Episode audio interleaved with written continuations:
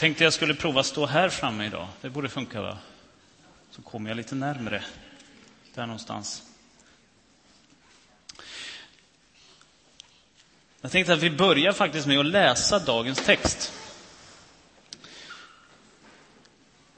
Och den är, den är hämtad från Matteus evangelium kapitel 25, verserna 14 till 30.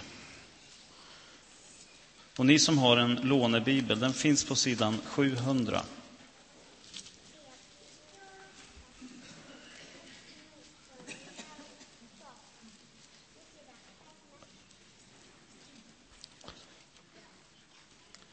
Och det, den rubrik som man har satt, det är liknelsen om talenterna. Så det är från vers 14 och framåt.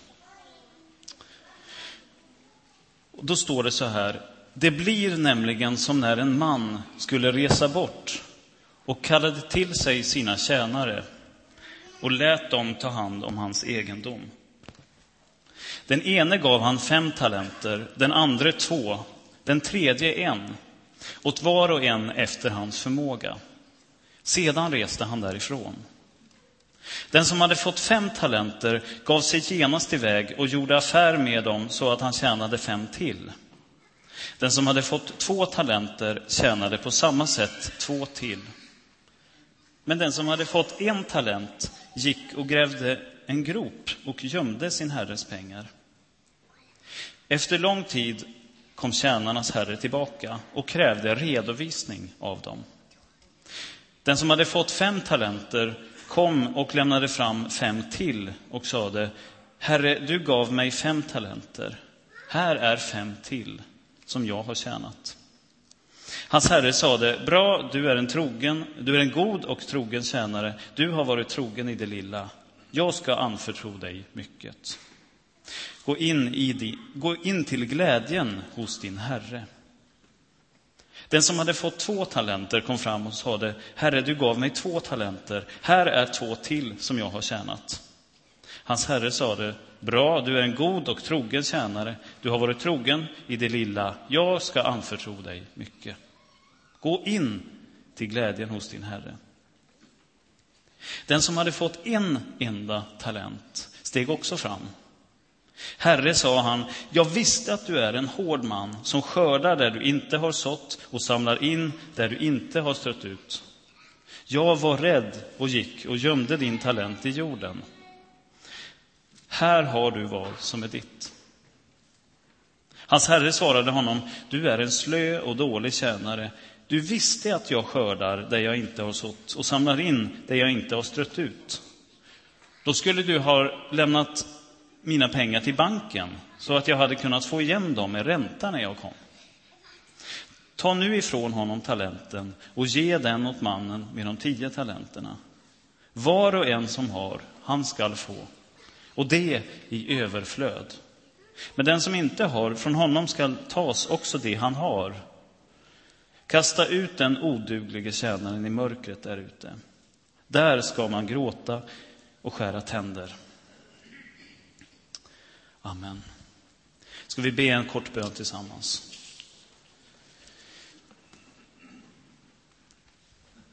Herre, uppenbara för oss idag ditt ord. Så att det blir till välsignelse för många människor. Och så att det blir till välsignelse i våra liv, Herre. Amen.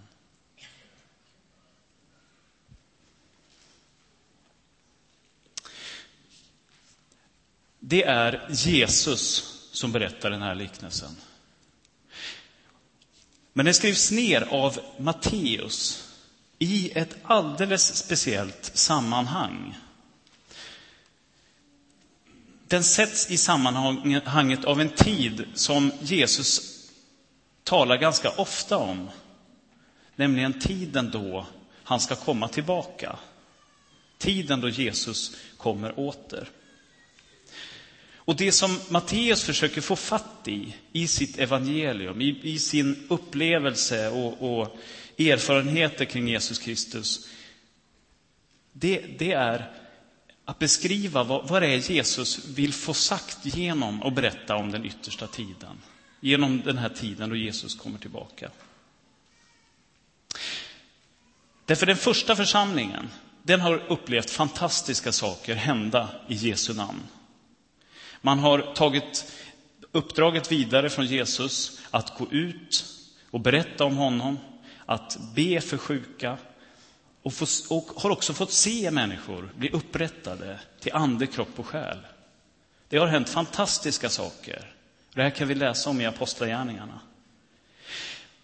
Men vid tiden då Matteus skriver ner den här liknelsen, då har det gått en tid, sådär en 50 år ungefär.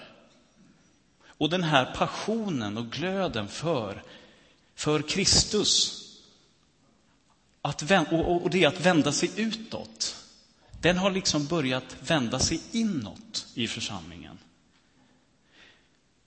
Man har börjat bli väldigt upptagen av frågan, hur kommer det se ut när Jesus kommer tillbaka?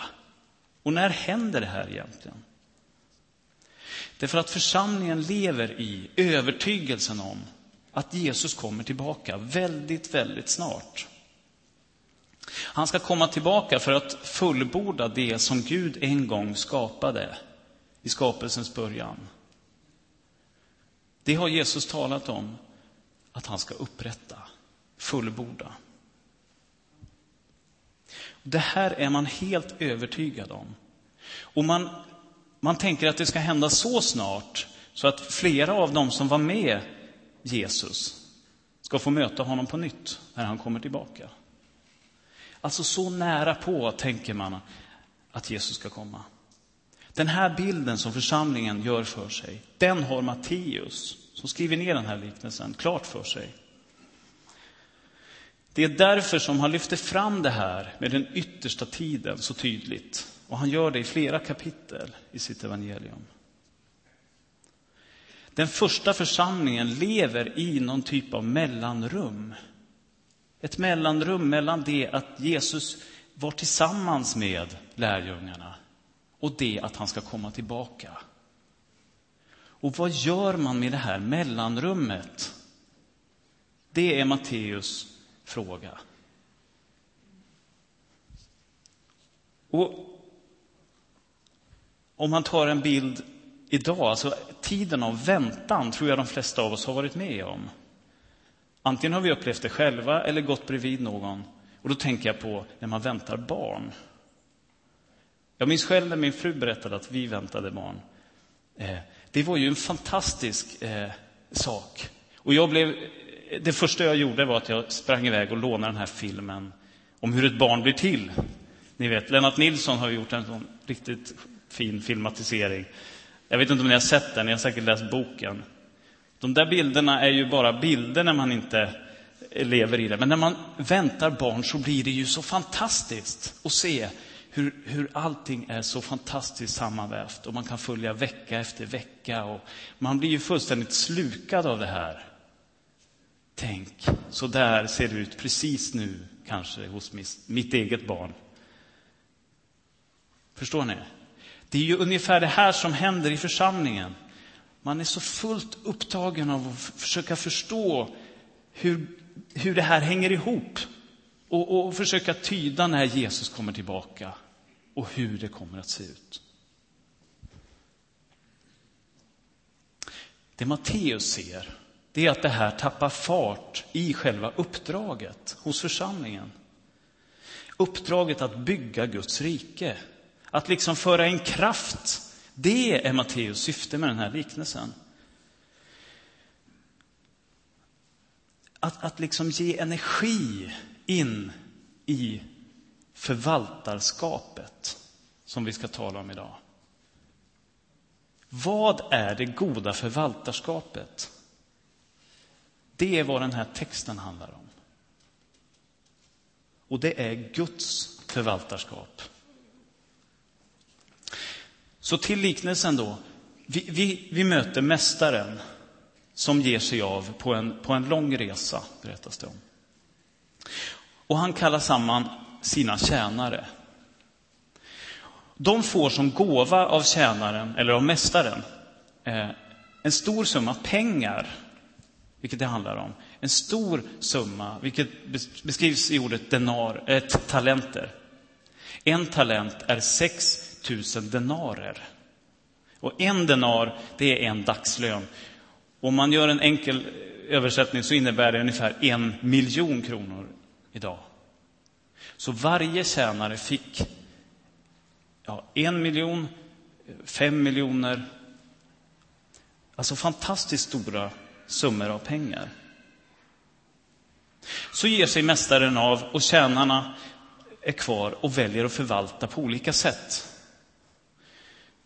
Så går den här långa tiden och mästaren kommer tillbaka.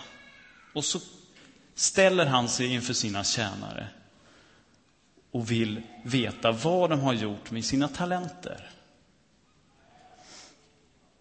Och det är nu hög tid att, för, för de här tjänarna att redovisa vad de har gjort. Så kommer de en efter en inför mästaren. Och svaret från de första två, de som, har, som de får av mästaren, de som har förvaltat det här väldigt bra, de får svaret, du har varit trogen i det lilla. Dig ska anförtros mycket. Och det är ju en fantastisk upp, uppmuntran, får man säga. De får sin belöning. Men vad är det som händer med den tredje? Och jag tror att den tredje tjänaren, det är själva huvudpersonen i den här liknelsen. I alla fall om man ska försöka förstå i vilket sammanhang som Matteus sätter in den här liknelsen. Han karaktäriserar de här problemen som finns i församlingen. Den tredje tjänaren, han tar ju allt det här goda som han har fått.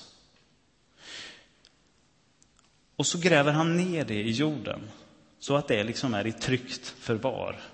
Han vet var han har det här. Och någonstans så tänker jag, och jag tror att ni gör det också, det här är ju egentligen ganska okej okay förvaltning. Han vet ju att han har kvar pengarna, talenten. Han vet ju var den finns. Så tänker ju vi ganska ofta. Vi, vi samlar på oss grejer, vi, vi, vi buffrar så att vi vet att vi har, så att vi är säkra. Men den här liknelsen talar inte om det. Den talar inte om materiella saker. Den här liknelsen handlar om förvaltarskap ur Guds synvinkel. Guds förvaltarskap. Och lyssna nu till det här. Jag tror att det är nyckeln till att förstå Guds förvaltarskap, eller det goda förvaltarskapet. Därför att den tredje tjänaren börjar inte med, när han då står inför, inför mästaren, han börjar inte att beskriva allt som han har gjort med sin talent. För han har inte gjort någonting alls med den. Nej, han börjar istället att rättfärdiggöra det han har gjort. Han försöker ju förklara varför han inte har gjort något med talenten. Han säger att mästaren är en hård man och därför har han grävt ner pengarna. Hans rädsla för mästaren, det gör att han inte gör någonting alls. Men han vet att han åtminstone kan ge tillbaka talenten när han kommer. Ingenting blir ju uträttat, men det som var sparat, det var inte förlorat i alla fall. Det är som att den tredje tjänaren pekar på mästaren och så säger han, om inte du hade varit så hård, då hade jag gjort annorlunda. Så tjänaren säger, det är egentligen ditt fel, mästaren. För du är, du är hård, en hård man. Och, jag, jag vågade inte. Så reagerar vi ju ofta när någon ifrågasätter oss. Har du gjort det vi sa? Har du gjort det vi kom, kom, kom överens om? Nej, jag kunde inte för att, ja, vad man nu skyller på. Han ville inte ta sitt ansvar. Därför grävde han ner den. Det här tror jag är det dåliga förvaltarskapet. Man vet om sin talent. Han har den i sina händer. Och han vet också, det är ju det han säger, han vet att han en dag ska ställas till svars för det här. Han känner mästaren, men ändå gör han ingenting av den. Talenten som det berättas om, det är ju bilden av allting det som Gud ger oss. Det handlar inte bara om pengar, det handlar om allt det vi har. Vår kropp, våra anlag, vårt sammanhang av familj, släkt och vänner. Våra begåvningar. Ehm. Och det handlar om våra andliga gåvor och det handlar om församlingen. Allt det som Gud har gett. Det ska användas till Kristi tjänst. Och det ska redovisas, säger den här liknelsen. Man är alltså inte ursäktad med att man inte gjorde något fel med talenten. Alltså det, allt det vi, vi har och har fått. Att man inte gör någonting fel med det. Gud ger oss talenter för att han vill att vi ska investera i hans rike. Det är ju helt fantastiskt. Alltså, han vill bygga genom oss sitt rike. Men förutsättningen för det, och det är det som är så tydligt i den här liknelsen, förutsättningen är att vi inte gräver ner talenten. Den ska omsättas, investeras, riskeras. Först då blir den välsignad. Och jag tror att för vissa så hindrar, precis som för den tredje tjänaren, så hindrar bilden av vem mästaren är oss att verkligen tjäna, att verkligen bruka vår talent.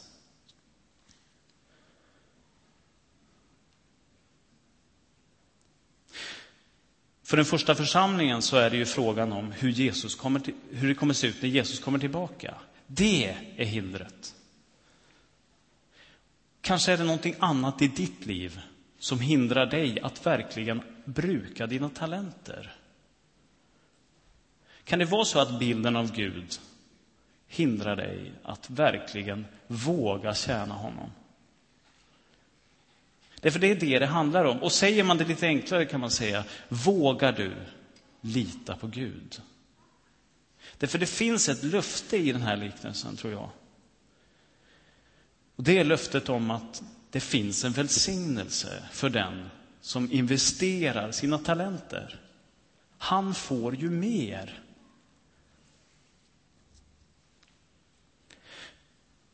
Och den som inte investerar, från den tas ifrån. Den ges ju till den goda och trogne tjänaren. Den som hade fem, som fick tio och nu får ännu mer. Och jag kan ställa mig den frågan. Vad är rättvisan i det? Jag menar, han, han, han behöll ju i alla fall talenten, men blev av med den. Den här liknelsen handlar inte om rättvisa. Det är ingen verklig berättelse av hur Gud har agerat. Det är en liknelse, vänner. Och den är till för oss att förstå allvaret i det goda förvaltarskapet. För att vi ska få energi i det här och förstå och få fatt i Guds perspektiv på förvaltarskap. Därför tas talenten ifrån, alltså inte frågan om rättvisan. Utan bilden av hur det goda förvaltarskapet får talenten att växa. Och hur det dåliga förvaltarskapet får talenten att försvinna. Så man kan alltså säga så här, tror jag. Pröva det här, men lyssna noga. Jag tror att alla som väljer att investera sin talent blir välsignade. När man investerar talenter för Guds rike så får man tillbaka i överflöd. Det är vad den här liknelsen eh, ger som löfte. Trohet, det ger mer välsignelse, men olydnad tar ifrån välsignelse som redan har blivit given. Det är Guds ordning när det kommer till förvaltarskap. Så det goda förvaltarskapet kan uttryckas i frågan, gräver jag ner? Eller förvaltar jag? Brukar jag? Investerar jag? Så hur gör vi då? Hur får vi fatt i det här goda förvaltarskapet? I första Petrusbrevet kapitel 4, vers 10 så står det så här. Tjäna varandra, var och en med den nådegåva han har fått, som goda förvaltare av Guds mångfaldiga nåd. Alltså tjäna varandra eh, som goda förvaltare av Guds nåd. Gud har gett oss en obegränsat stor nåd. Nåden i den här liknelsen är talenterna. Vi är var och en ett uttryck för Guds talenter. Och genom de här talenterna, genom dig och mig, så vill Gud bygga sitt Gudsrike. Och vi lever ju precis som den första församlingen mitt i det här mellanrummet. I den tid av väntan. Vi väntar fortfarande att Jesus ska komma och upprätta sitt rike. Men fram till dess så vill Matteus uppmana oss att få energin att kämpa på, att bygga Guds rike, att göra det. Tiden är nära. Men vi är satta för att bygga tills dess han kommer. Liknelsen vill befria oss från att behålla talenten för oss själva. Det Gud vill att vi ska riskera. Alltså till skillnad från det här förvaltarskapet Mårten pratade om i början. Fastighetsförvaltning. Det handlar inte om riskering, det handlar om att bevara. Guds ordning är att riskera, investera, bruka. Då kommer gåvorna till sin rätt och, och välsignelsen kommer av det. Det är den goda förvaltarskapet. Och det är också poängen när vi får följa de här två tjänarna som faktiskt har fått två olika mängder av talenter. Det är inte mängden som räknas. Utan det handlar om just vårt förhållningssätt till våra talenter. När jag tänker på det här med förvaltarskap och jag tänker på mitt eget liv, då då, då vill jag se tillbaka på mitt liv och på det jag gör och det jag investerar. Utifrån att andra människor om, runt omkring mig växer och blommar. Och jag tror att det är en, en av de perspektiv som Gud vill ha när det kommer till talenter. Växer människor runt omkring dig när, där du går fram? På din arbetsplats, hemma, var du finns. Växer människor. Byggs Guds rike omkring dig med det du gör med dina talenter. Får fler del av glädjen av Kristus där du går fram. Doftar det Kristus om dig. Det är det goda förvaltarskapet. Och det finns flera här som är unga och och många, många fler i vår församling som jag vet vill leva helhjärtat för Kristus och, och längtar efter det. Men flera av dem behöver redskap. Och jag tror att det också är en talent att få fatt i. Du som är, har gått med Kristus en tid. Gå in i att vägleda och stödja och hjälpa de unga. Jag jobbar med barn och unga här i församlingen och det är många som behöver stöd på vägen. Och alltså, det är ett fantastiskt förvaltarskap att gå in och vägleda den unge. Det tror jag också är ett, ett oerhört gott sätt att förvalta sin talent. Och det finns flera här som har lyckats väldigt bra i arbetslivet, som har en trygg ekonomi, har gott om tid. Ja, men investera det för Guds rike. De talenterna, det du har byggt upp, det är någonting oerhört gott.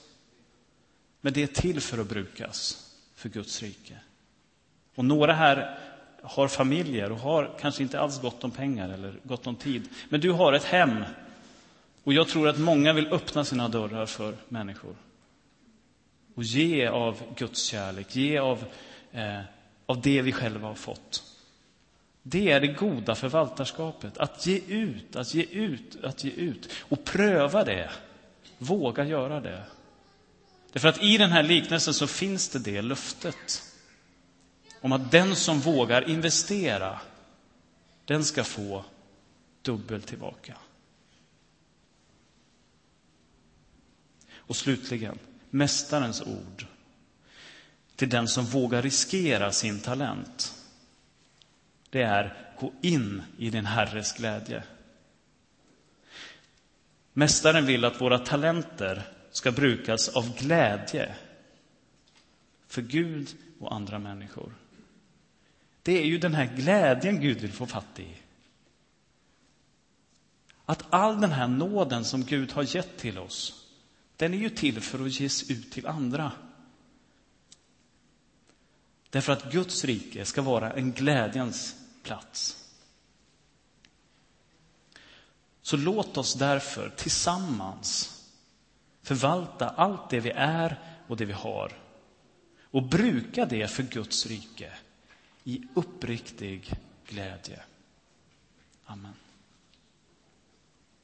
Vi ber tillsammans.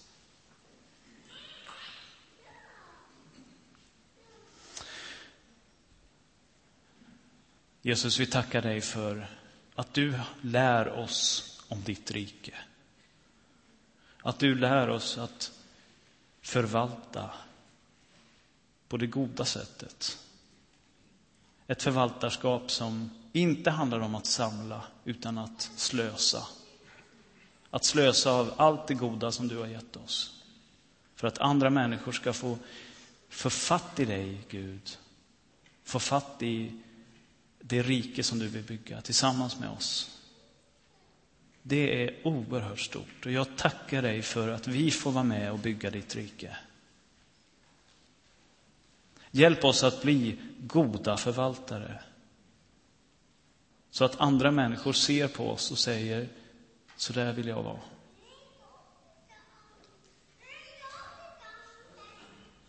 Tack Herre.